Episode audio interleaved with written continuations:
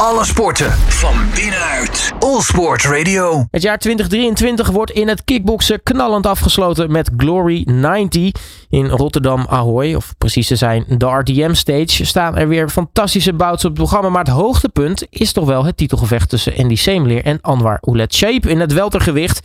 En daarnaast gaat Glory in 2024 ook nog met iets nieuws komen. Kom op, uh, kortom, genoeg om het over te hebben. En dat ga ik doen met Glory Kickboxing host op Videoland, Mark Schaaf. Mark, hele goedemiddag. Een hele goede middag. Ja, laten we allemaal uh, allereerst beginnen natuurlijk met uh, het, het afsluiten van 2023. Glory 90. ja, zo vlak voor nieuwjaar toch knallend afsluiten is, is wel lekker. Zeker ja. De kerstman die komt vroeg dit jaar, hè? precies één dag uh, ervoor. Dus op de 23e sluiten het jaar uh, prachtig af. Wat in mijn ogen een heel mooi kickboxjaar was, uh, met Glory 90. Nou, als we toch even terugblikken op 2023. noem, eens, noem eens één absoluut hoogtepunt voor jou in, in dit jaar. Nou, voor mij waren het er eigenlijk wel twee. Ik denk dat uh, het programma House of Glory voor mij uh, echt wel een hoogtepunt was. Waarin we echt ontzettend veel uh, talenten in de welterweight divisie hebben gezien. waarin we dus Anwar met Saïb, die straks voor de titel gaat vechten, naar voren hebben zien komen. En ik vond Collision vond ik, echt fantastisch vorige maand. Waarin we ja, misschien met een iets wat mindere hoogpartij, maar de, rest van de partij, ja, dat waren echt. Uh, daarin zie je dat het kickboksen gewoon echt weer op, uh, op, op ouderwets hoog niveau staat. Kijk het naar uh, 23 december. We weten, zo'n kickboxavond is natuurlijk niet maar één gevecht. Er zijn er veel meer. voordat we uitgebreid stil gaan staan bij Semelir tegen Oulet Shaib. wat staat er nog meer op het programma waarvan je zoiets hebt van... nou, daar moeten de mensen toch zeker even voor inschakelen? Ja, nou, de mensen moeten eigenlijk meteen om half acht naar, uh, naar Videoland uh, gaan kijken. Dan beginnen we met de preview show. En uh, ik verzeker iedereen dat Remy en, uh, en Melvin er op bijzondere wijze bij zullen zitten zo voor de kerst. Uh, dus dat moet iedereen sowieso doen. En eigenlijk is het eerste gevecht meteen een knalpartij. Want daar zien we Mohamed Touchassi weer in de ring staan. volgens mij het derde evenement op rij. jonge Marokkaanse ster die nou ja, de vele de nieuwe butter was genoemd. Hij probeerde het op het vorige evenement tegen Dundee Abena. Titel in het licht zwaargewicht, maar hij is eigenlijk niet op middengewicht. En hij gaat nu ook weer naar dat gewicht. En hij is een hele spectaculaire vechter, die dus meteen de avond gaat openen tegen Tombu. En uh, dat belooft sowieso spektakel te worden, alleen al omdat de knockout ratio van Motorchassis ontzettend hoog is. Ja, en verder hebben we natuurlijk nog, uh, nog veel meer gevechten. Uh, ja, spektakel alom. Maar er zitten toch wel potjes tussen die toch ook wel ergens om gaan nog. Ja, zeker. Nou, er zijn voor sommigen uh, zijn, is het komende evenement heel belangrijk. We hebben uh, Perpossi uh, die tegen Albania gaat opnemen. Uh, Perpossi die, die moet winnen. En trouwens, gaat het tegen Twindaren opnemen. Dat is een jongen in het tweede gebied die drie keer verloren heeft. Maar drie keer ontzettend spectaculaire partijen gevochten heeft. Onder meer tegen Jan Kaffa die hij uh. Dus voor hem een hele belangrijke wedstrijd. Maar ook bijvoorbeeld voor Myrtle Groenhart. Uh, die, uh, die, um, die gaat vechten tegen Ristoff, een opkomend talent. En Myrtle ja, die wil nog één keer voor de titel gaan.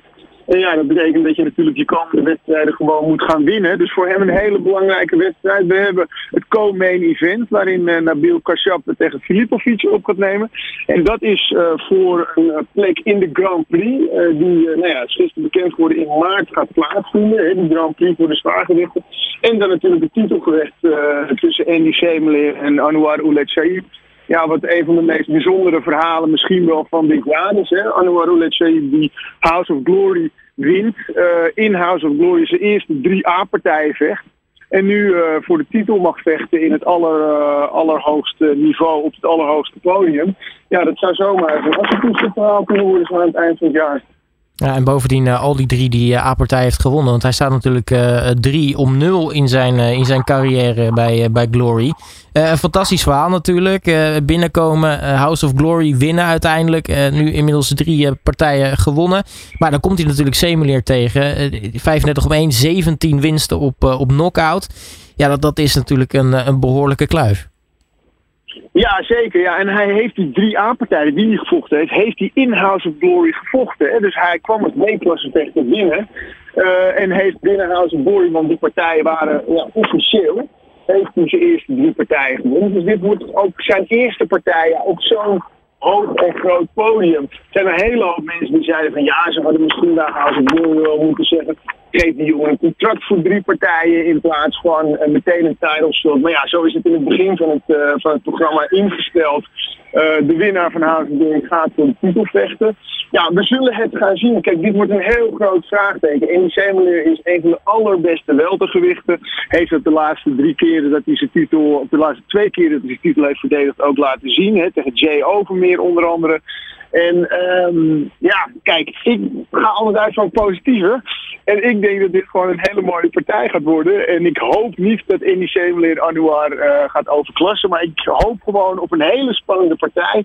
Waarbij we zien dat uh, die welterweight divisie gewoon een hele brede en sterke divisie is. Waar gewoon jongens die dus ook in de B-klasse vechten of net A-klasser zijn, gewoon al een heel hoog niveau hebben. Kijk, Messi was op zijn zeventiende, was hij ook heel erg goed. Clarence Seedorf op zijn zestiende al, dus wie weet. Wie weet. Uh, het zou natuurlijk een mooie verrassing zijn uh, op zo'n avond. Nou, voor die avond in ieder geval zijn natuurlijk nog tickets beschikbaar via, via Glory en anders op Videoland kijken. Dan nog even vooruitblikken op 2024, want je, je noemde het net toch even al stiekem. Maar Glory gaat iets, iets nieuws doen in 2024. Ja, dat is een, een zekerheid. Ja, dat nieuws dat hing al wat langer in de lucht. Uh, ik heb uh, tijdens Collision gepraat met de mensen van Glory. En ja, daar kwam dat gesprek kwam meer op dat er een nieuwe weg ingeslagen moest worden. En nou ja, iedereen is natuurlijk ontzettend groot fan van de K1 van vroeger. Daar refereren ook altijd heel veel mensen aan van ja, toen had je toernooien. En dan vocht je drie keer op een avond. En dat zijn de echte kampioenen. En Glory is in dat opzicht ja, een weg ingeslagen nu. Waarin ze gaan kijken of ze ja, misschien wel datgene van weleer terug kunnen brengen. Misschien wel in een combinatie met gewone kampioenen. Maar in ieder geval is het zo dat komend jaar uh, dat er volgens mij vier uh, Grand Prix gaan komen. Dat betekent dat er acht vechters op één avond gaan vechten. En dat de winnaar dus drie gevechten uh, heeft gevochten. En dat gaan ze doen in de welterweights, de middengewichten, de lichtzwaargewichten en de zwaargewichten. En we beginnen dus in maart met de zwaargewichten. Nou ja, daar is die een kwalificatie die is bijna afgerond. Hè. Volgens mij is er nog één of twee plekken beschikbaar. Nou, dat wordt dus Nabil Kashab of Filipovic. En dan is er nog een, eh, een, wildcard, uh, waarvan ik denk dat hij naar uh, Anton Plezibat zal gaan.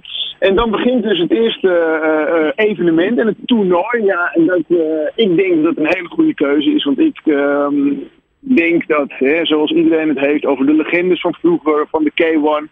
Ik denk dat die legendes dat de helft van die legendes maar had bestaan als uh, ze geen toernooivorm hadden. Want als jij in de eerste ronde uh, uh, elkaar half knock-out slaat en vervolgens met een gebroken hand je halve finale wint en met een uit de kom geschoten knie de finale wint, ja, dan maak je een held.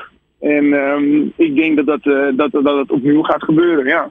Ja, ik denk ook serieus dat dat wel een, eh, een hele goede stap is. Uh, hoe dat uiteindelijk gaat uitpakken gaan we natuurlijk volgend jaar meemaken. Uh, voor het zover is eerst nog het jaar knallend afsluiten met uh, Glory 90. Um, Mark Schaaf, mag ik je hartelijk danken voor je tijd. veel succes en plezier natuurlijk komende zaterdag. En alvast fijne dagen en gezond nieuwjaar. Hetzelfde gewenst. Tot volgend jaar. Alle sporten van binnenuit. All Sport Radio.